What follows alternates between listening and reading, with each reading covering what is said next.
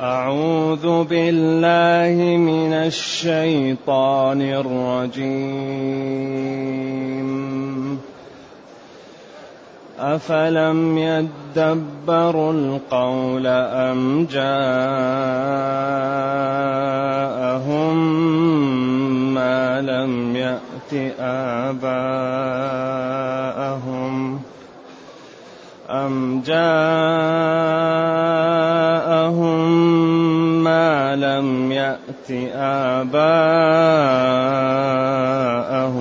الأولين. أم لم يعرفوا رسولهم فهم له منكرون. أم يقولون به جنة؟ بل جاءهم بالحق وأكثرهم بل جاءهم بالحق وأكثرهم للحق كارهون ولو اتبع الحق أهواءهم لفسدت السماوات والأرض ومن فيهن بل أتيناهم بذكرهم بل اتيناهم بذكرهم فهم عن ذكر ربهم فهم عن ذكرهم معرضون أم تسألهم خرجا فخراج ربك خير فخراج ربك خير وهو خير الرازقين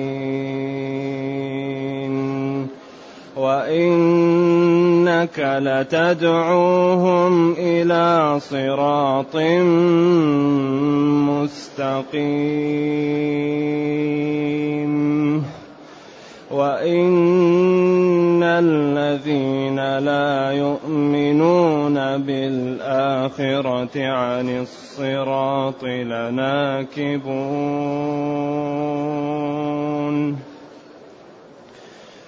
ولو رحمناهم وكشفنا ما بهم من ضر للجوا للجوا في طغيانهم يعمهون. ولقد أخذناهم بالعذاب. ولقد أخذناهم بالعذاب فما استكانوا لربهم فما استكانوا لربهم وما يتضرعون. حتى إذا فتحنا عليهم بابا ذا عذاب شديد. حتى إذا فتحنا عليهم بابا ذا عذاب شديد إذا هم فيه إذا هم فيه مبلسون.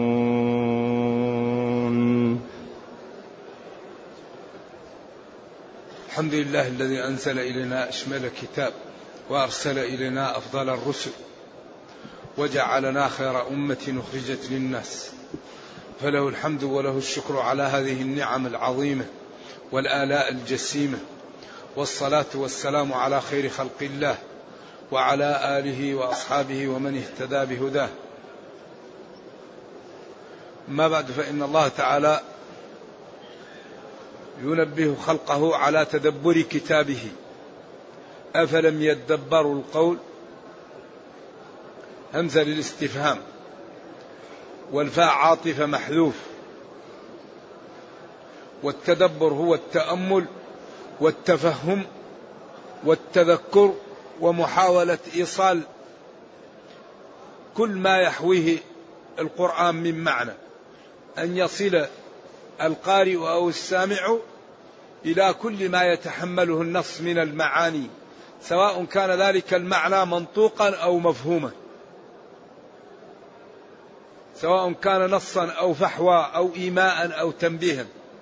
فالتدبر هو من النظر في عواقب الأشياء والتأمل في الآيات ليستخرج منها المتأمل فيها كل ما تتحمله من المعاني. ولذلك هذا الباب باب مفتوح إلى قيام الساعة. حديث أبي جحيفة. وهل خصكم رسول الله صلى الله عليه وسلم بشيء؟ قال لا والذي فلق الحب وبرأ النسمة إلا فهما يعطيه الله رجلا في كتابه. أو ما في هذه الصحيفة. قال وما فيها قال العقل وفكاك الأسير وأن لا يقتل مسلم بكافر. أفلم يدبر. ألم يستعملوا عقولهم؟ ألم ينظروا في قدرة الله تعالى فيدبروا؟ ألم ينتبهوا ما جاءهم؟ فيدبروا القول والقول هو القرآن.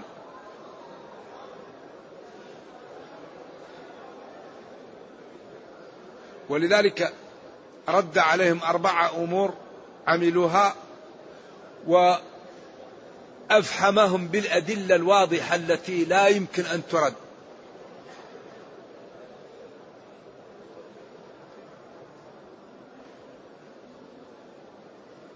إذا أنتم أعطيتم من الأدلة والبراهين ما به جدير بأن تدخلوا في الإسلام وتصدقوا بالنبي صلى الله عليه وسلم. لكنكم أعرضتم عن ذلك فلم تتدبروا القول. وهو كتاب أنزلناه مبارك فيه كل ما نحتاج إليه. فيه خبر ما قبلنا ونبأ ما بعدنا وحكم ما بيننا. ولا تنزل بالبشرية نازلة إلا وكان في القرآن السبيل إلى حلها. أم جاءهم؟ ما لم يأت آباءهم الأولين. أم جئتهم بشيء لم يأتي الأمم السابقة؟ فأنت إن كنت رسول فقد أرسلت الرسل للأمم السابقة قبلك. قل ما كنت بدعا من الرسل. ولكن تشابهت قلوبهم.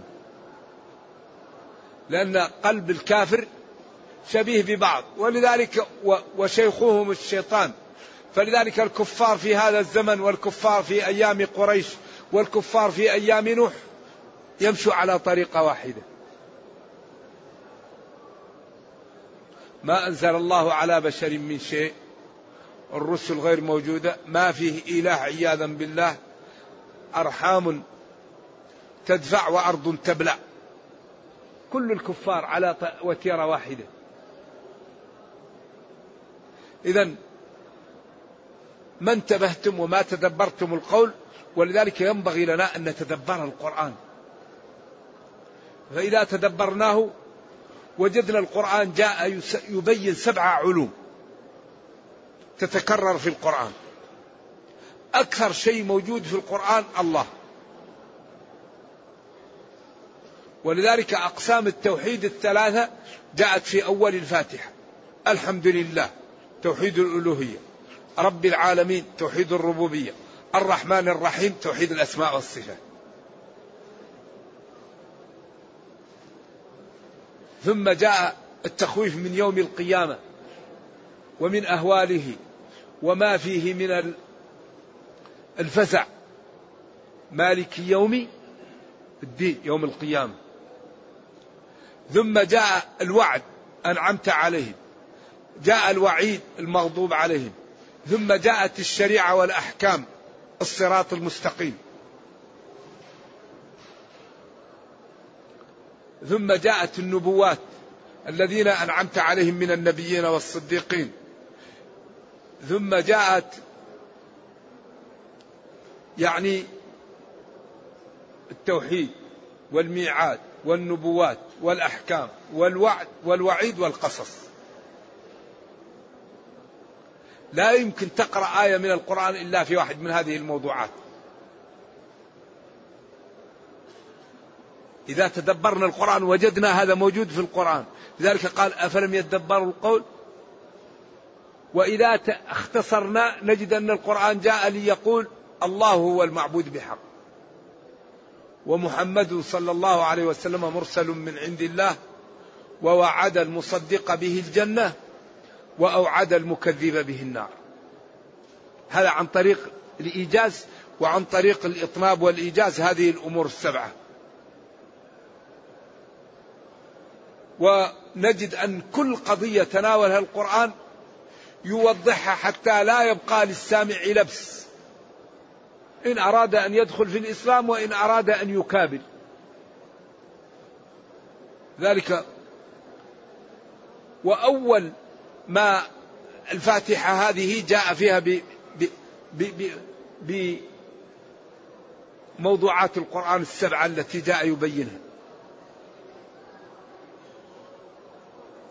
ثم قال ألف لام ميم. ذلك الكتاب. هذه الحروف المقطعة يتكون منها القرآن. فإن كنتم مكذبين به فأتوا بمثلها. فإن عجزتم فتوبوا إلى ربكم واتبعوا رسلي والتزموا شرعي.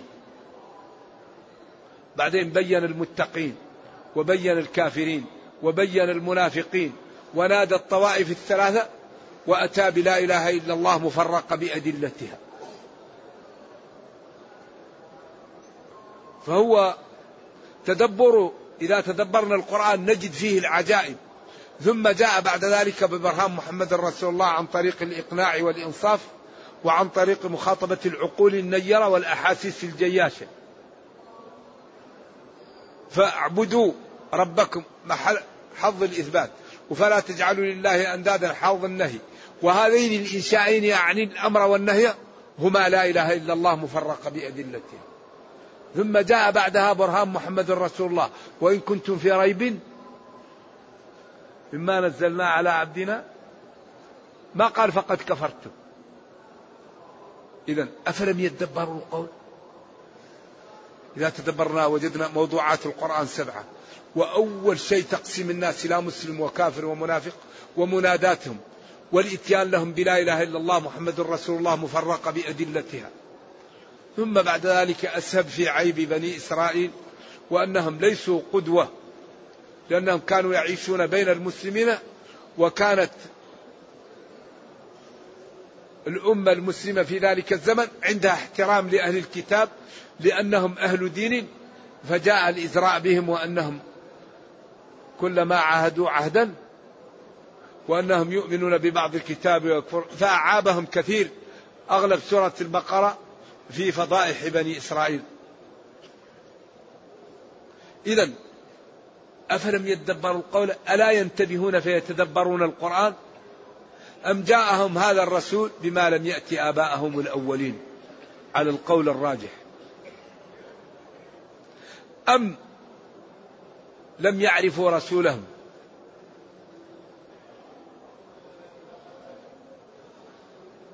أم جاءهم رجل لا يعرفونه ويجهلونه بل عاش بينهم وعرف بالأمن وبالأمان وبالصدق وبالنزاهة وبحسن الخلق وبمكارم الأخلاق. ولذلك لما أنزل عليه الوحي قالت خديجة كلا لا يخزيك الله إنك لتصل الرحم. وتعين على إيش؟ وتحمل الكل وتعين على نوائب الأمور. كانوا عقلاء. ولذلك بل هنا التي هي المنقطعة. قيل بمعنى الهمزة وقيل بمعنى بل وقيل بمعنى الهمزة وبل. بل ألم يدبروا القول؟ ألم يدبروا القول؟ اللي هي بل جاءهم أجاءهم أو بل جاءهم أو هما معا.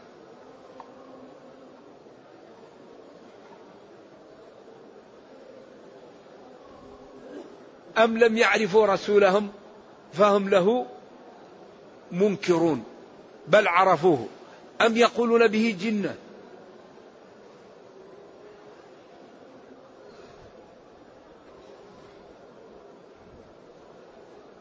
وذلك غير صحيح. ليس به جنة. وهذا الذي قالوه لنبينا صلى الله عليه وسلم وهو خاتم الرسل قالوه لأول الرسل بعد آدم. أم يقولون به؟ يقولون الآية اللي هي إن هو إلا رجل به جنة فتربصوا به حتى حين. نفس الكلام. بل جاءهم بالحق. بل هو جاءهم بما جاء الأولين.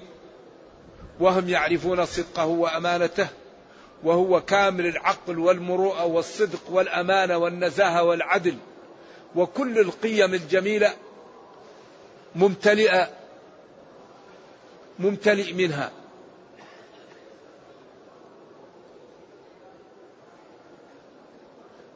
بل هم عياذا بالله كارهون للحق ومبغضون للصدق وللعدالة وللنزاهة ولذلك ما قبلوا ما جاءهم به. ولذلك الهداية كما ذكرنا لا يقدر عليها إلا الله. وإلا بأي حق يرى هذه النصوص ويرى هذا ويقرأ عن هذه الأنظمة التي جاء بها وهذه العدالة وهذا الجمال وهذا الحسن وهذا التعبير. بأي حق إنسان غير محجوب يسمعه إلا دخل في الإسلام. لأن القرآن فيه من الجمال والجلال والحسن والنزاهة والعدالة. ما لو أراد الإنسان أن يصفه لما استطاع. لأن الله تعالى اختار له أجمل الحروف.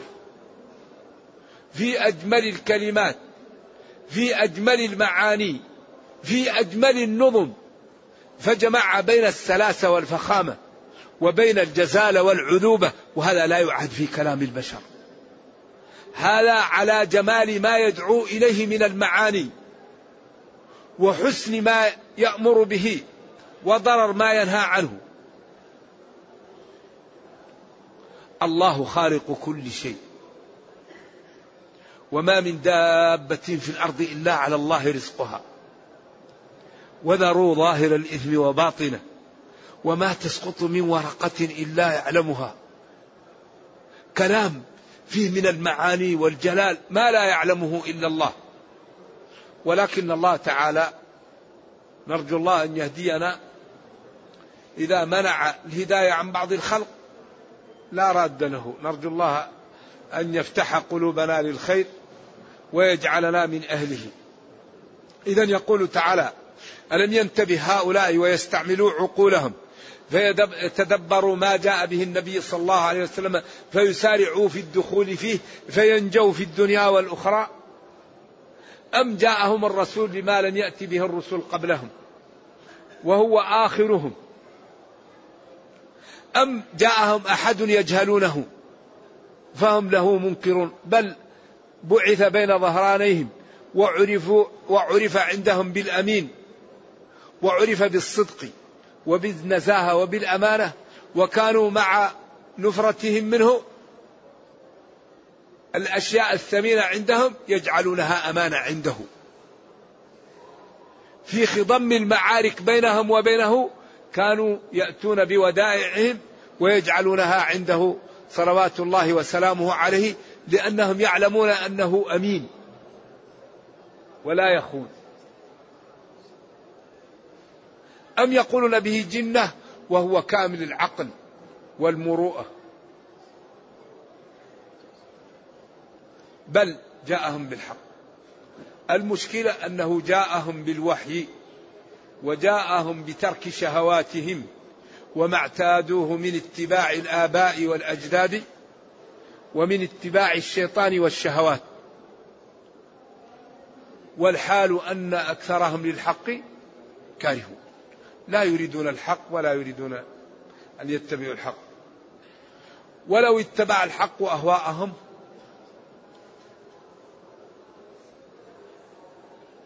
لفسدت السماوات والأرض.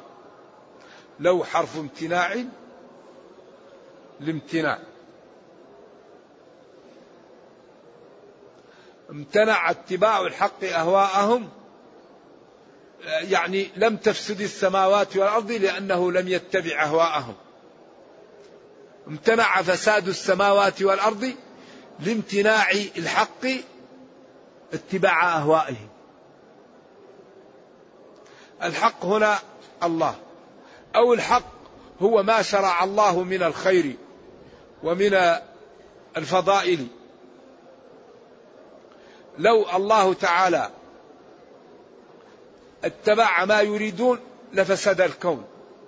لأنهم يريدون الظلم والفاحشة والكفر والطغيان. وهذا إذا كان في الكون فسد. لأن الكون لا يمشي إلا بالعدل.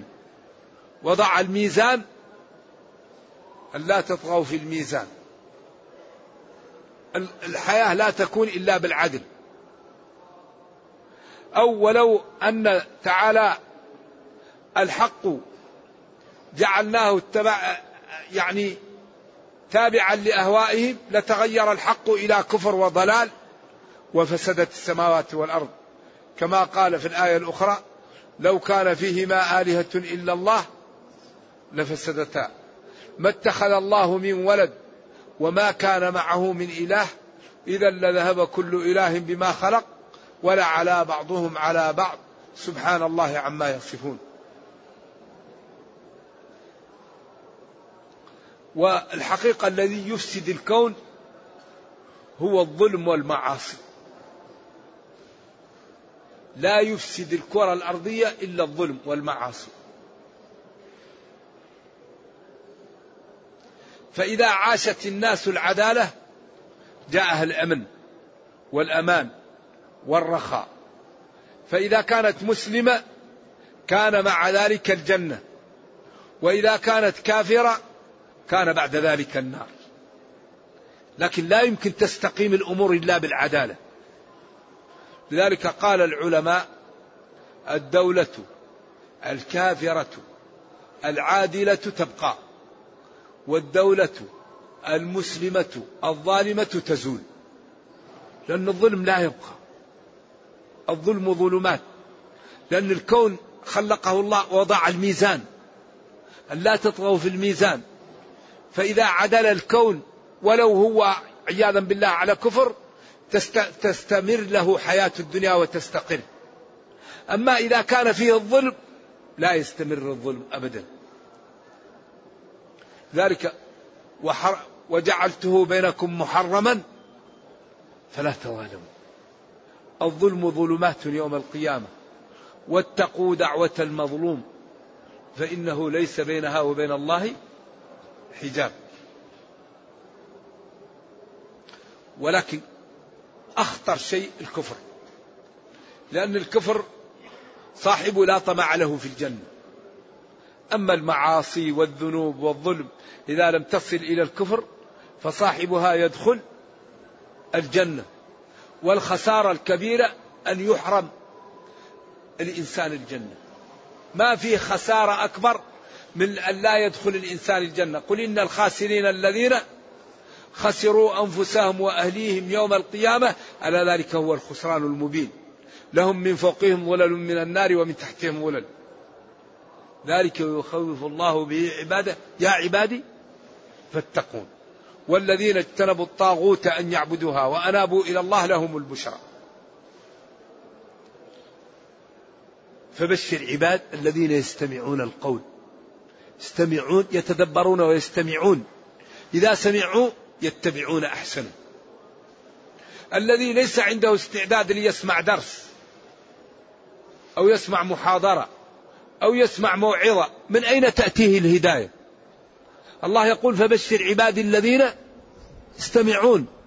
ما عنده استعداد ليسمع أبدا. والوحي انقطع.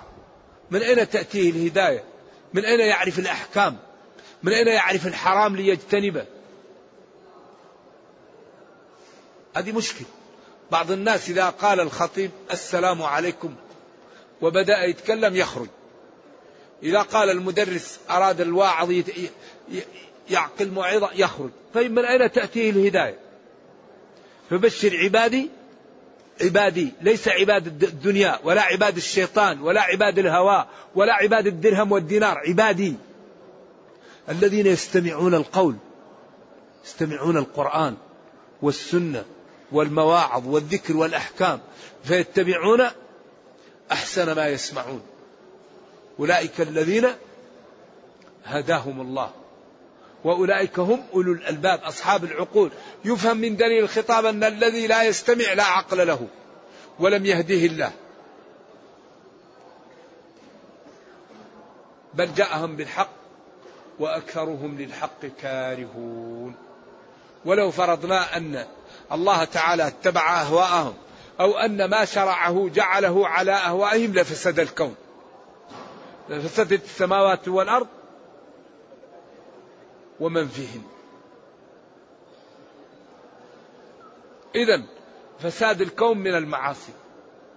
بل أتيناهم بذكرهم ذكرهم أي بشرفهم. وما فيه ذكرهم كما قال وإنه لذكر لك ولقومك. أو أتيناهم بما فيه يتذكرون كما قال تعالى وأنذر به الذين يخافون أن يحشروا إلى ربهم. فهم عن ذكرهم أي عما أتاهم فيه من الأوامر والنواهي ومن الزواجر معرضون لا يبالون بها.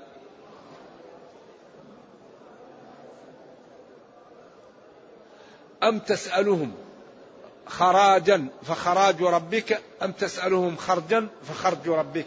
أم تسألهم خرجا فخراج ربك؟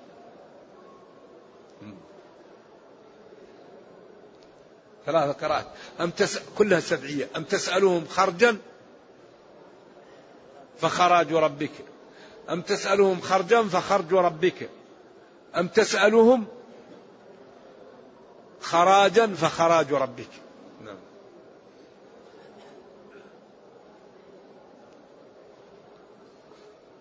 أم تسألهم جعلا أو أجرة على ما جئتهم به ليمتنعوا فما ادخر الله لك وأعطاك خير مما عندهم. ولذلك هنا وقفه هل يجوز أن يتعلم الشرع بالمال أو لا يجوز؟ قل لا أسألكم عليه اجرا. قل لا أسألكم عليه مالا. إن أجري إلا على الله. أم تسألهم جعلا أو أجرة خرجا أو خراجا؟ وما قالوا أن الخراج هو الذي يلزم والخرج هو الذي يتبرع به. لا الخرج والخراج بمعنى واحد. هذه لغة وهذه لغة وكل بمعنى واحد. وما قالوه من التفريق لا يسلم. نعم. أم تسألوهم جعلا أو إعطاء فما عند الله وما ادخر لك خير مما عندهم. خير مما خير وهو خير الرازقين وهو خير المعطين لخلقه ما يطلبونه. وقال العلماء أخذ الأجرة على التعليم وعلى الأذان وعلى الإمامة هذا من باب المصلحة. وهذا يؤخذ على الوقت لا على التعليم لأن المسلم يصلي في أي مكان والمسلم يعلم لكن كون إنه يحصر في مكان ويربط هذا الذي يؤخذ عليه الأجر ومن باب المصالح لأننا لو لم نجز للمقرئين وللمصلين وللمؤذنين أن يأخذوا اجرا لتعطلت مصالح المسلمين. لذلك هذه مصالح راجحة ولكن المسلم إذا أخذها يصلح نيته ويكون قصده أن يفعل ذلك ويكون ما يأخذ من المال تبع لذلك. ولذلك قال صلى الله عليه وسلم وجعل رزقي تحت ظل رمحي. لكن الصحابة لا يبالوا بقضية ما يأخذون من الغنائم وإنما نفوسهم تريد إعلاء كلمة الله ونشر الدين وعبادة الله والرفعة وما يأتي بعد ذلك من المال تبع لا لا يكون إلا تبع لا يكون في القلوب. فذلك المسلم يخلص نيته فإذا أخذ مالا على تعليم أو على أذان أو على إقامة أو على شيء يكون في قلبه أنه يريد الدين وهذه الأمور تأتي تبعا يصلح نيته. ولكن النية إصلاحها هو بينه وبين الله. ما يقول أنا أصلحت نيتي وهو لم يصلحها. ولذلك هذه أمور بالنسبة للحقيقة بالنسبة لمن عنده إيمان تافهة فهي تأتي تبع ولا تنقص من أجر الإنسان. فما عند الله خير وهو خير الرازقين. أيوة. لأن بعض الناس يرزق بعض وبعضهم يعطي لبعض ولكن الله تعالى هو الذي يرزق الرازق ويرزق المرزوق وقد تكفل جل وعلا برزق كل مخلوق. وما من دابة في الأرض إلا على الله رزقها. سأل بعض الناس بعض الفقهاء وقالوا له لما نحن لا نبحث عن الجنة ونهتم بها كما نهتم بالرزق؟ لأن الله قال لم نجعل له عينين ولسانا شفتين وهديناه النجدين. وقال فمن يعمل مثقال ذرة خيرا يره ومن يعمل مثقال ذرة شرا يره وقال وكل إنسان ألزمناه طائره, طائره في عنقه ونخرج له يوم القيامة كتابا. اقرأ كتابك. يلقاه منشورا أما الرزق كل واحد مضمون له فلماذا نحن ضمن لنا الرزق؟ نبحث عن الرزق والجنة لم تضمن لنا لا نبحث عنها كما نبحث عن الرزق. قال له ذلك لشدة الضمان. لقوة ضمان الرزق كل واحد لا ينام يبحث عن الرزق لقوة الضمان. أما الجنة لم تضمن فلذلك الواحد ينام لا يبحث عن الجنة كما يبحث عن الرزق. قالوا لقوة الضمان كل واحد يبحث عن الرزق. ذلك تدبير تدبير عجيب. وإنك لتدعوهم إلى صراط مستقيم. إنك يا نبي لتدعوهم. وتأمرهم وتناديهم وتطالبهم بأن يتبعوا القرآن والشريعة وما جئتهم به. وإن الذين لا يؤمنون بالآخرة عن الصراط لناكب وإن الكافرين عن طريق الجنة وعن طريق الحق لمجنبونه ونكب الطريق إذا تجنبها. لناكبون وهذا الذي يخوف. لا يغتر الإنسان بالموضة ولا يغتر بالتيار ولا يغتر بكثرة المنحرفين. الجنة أهلها واحد في الألف. وما أكثر الناس ولو حرصت بمؤمنين وإن تطع أكثر من في الأرض يضلك عن سبيل الله. فلا يغتر الإنسان. الإنسان يلزم الحق ولو أن تعض على إيش؟ جذع الشجرة. القابض على دينه كالقابض على الجمر. فالإنسان لا يغتر وأول ما يأذي المسلم أهله في البيت. أولاده. أصدقاؤه. لذلك هذا الدين يحتاج إلى مكابدة. ما يمكن يقوى. إلا بالمكابدة وبالممارسة والذين جاهدوا فينا. إذا أنت يا نبي تدعوهم إلى طريق واضح لا لبس فيها. وإن الذين لا يؤمنون بالآخرة والكفار عن طريق الحق متجنبون. ولو فرضنا أننا رحمناهم وكشفنا ما بهم من مرض وضر وجوع وعطش لأنه يقال النبي صلى الله عليه وسلم دعا عليهم. وقال اللهم أشدد وطأكتك على مضر. اللهم اجعلها عليهم سنينا كسنين يوسف. فجاءه أبو سفيان وقال له نناشدك الله والرحم. أنت جئت يعني تريد إيش؟ أن ترحم.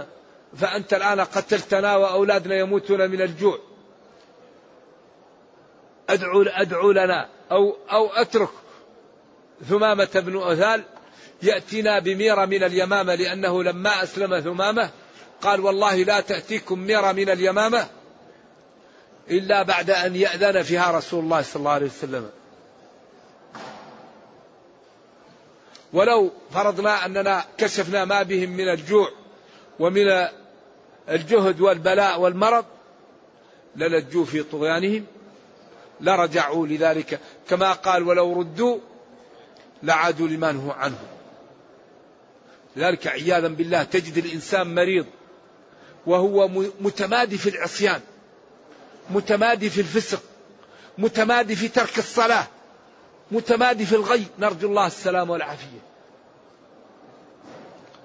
ولذا أخوف ما يخاف منه أن الإنسان عياذا بالله يسبق عليه الشقاوة فلا يقبل قلب الخير. لا يقبل الخير. لا يتعظ لا يخاف. هذا الذي يخيف. للجوا في طغيانهم يعمهون. والله لقد أخذناهم بالعذاب. جئناهم بالسنين. حتى صاروا يأكلون العلهز. العلهز يأخذون الصوف ويحطون عليه الدم ويحرقونه ويأكلونه لشدة الجوع. ويأخذون الأعظام والجلود. يعني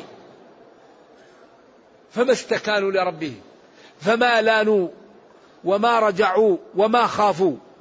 وما يتضرعون؟ وما يسألون الله؟ وما يدعونه عياذا بالله؟ لأن موارد العلم محجوبة.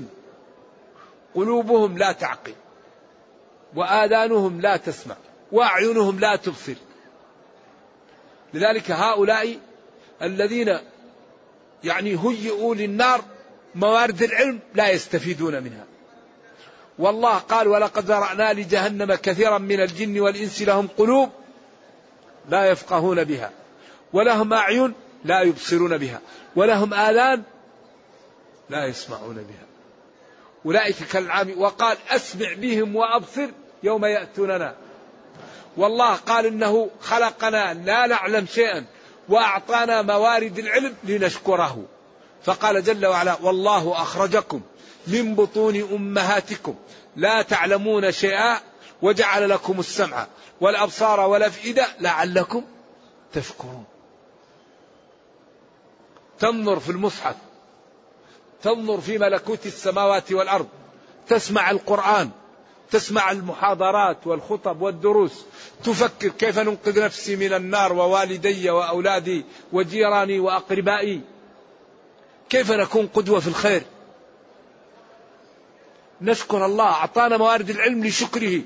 أما الذي خلق للكفر وللنار هذه الموارد لا يستعملها محجوبة عن النفع.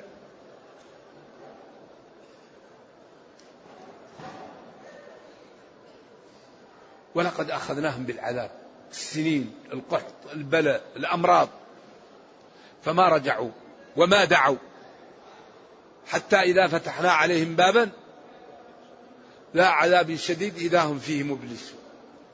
حتى إذا أخذناهم يوم بدر أو جاءوا وصاروا من أهل النار إذا هم مبلسون يائسون مبهوتون حزنون لا لا حيلة لهم. فات الأوان. ثم بعد ذلك بين قدرته ونعمه على خلقه. نرجو الله جل وعلا أن يجعلنا من الشاكرين لنعمائه. اللهم أرنا الحق حقا وارزقنا اتباعه وأرنا الباطل باطلا وارزقنا اجتنابه وأن لا تجعل الأمر ملتبسا علينا فنضل. اللهم ربنا آتنا في الدنيا حسنة وفي الآخرة حسنة وقنا عذاب النار. اللهم إنا نسألك الجنة. اللهم إنا نسألك الجنة، اللهم إنا نسألك الجنة ونعوذ بك من النار، اللهم اختم بالسعادة آجالنا، واقرم بالعافية غدونا وآصالنا، واجعل إلى جنتك مصيرنا ومآلنا. سبحان ربك رب العزة عما يصفون، وسلام على المرسلين، والحمد لله رب العالمين، والسلام عليكم ورحمة الله وبركاته.